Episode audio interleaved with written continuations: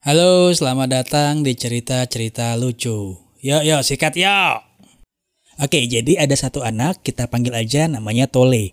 Jadi, Tole ini baru aja belajar suatu teori.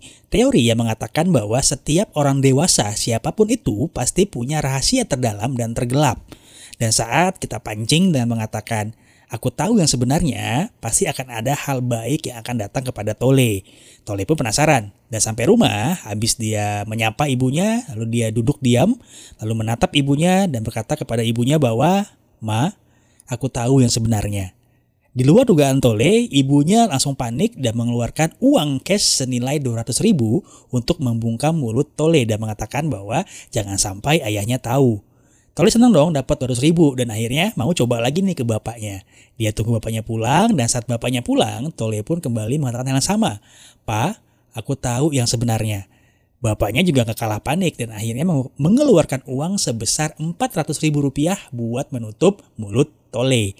Senang dong dapat 600 ribu, Tole pun tidur dengan pulas. Besok paginya, Tole mau coba lagi nih teorinya. Saat jalan sekolah, dia ngeliat ada tukang sayur di depan rumahnya disamperin tukang sayurnya dan Toli pun ngomong ke tukang sayur, Bang, aku tahu yang sebenarnya. Di luar dugaan Tole, sang tukang sayur berkaca-kaca matanya lalu duduk bersimpuh di depan Tole. Nah, kamu tahu yang sebenarnya. Kalau gitu, sini peluk papa. Ya. Yeah.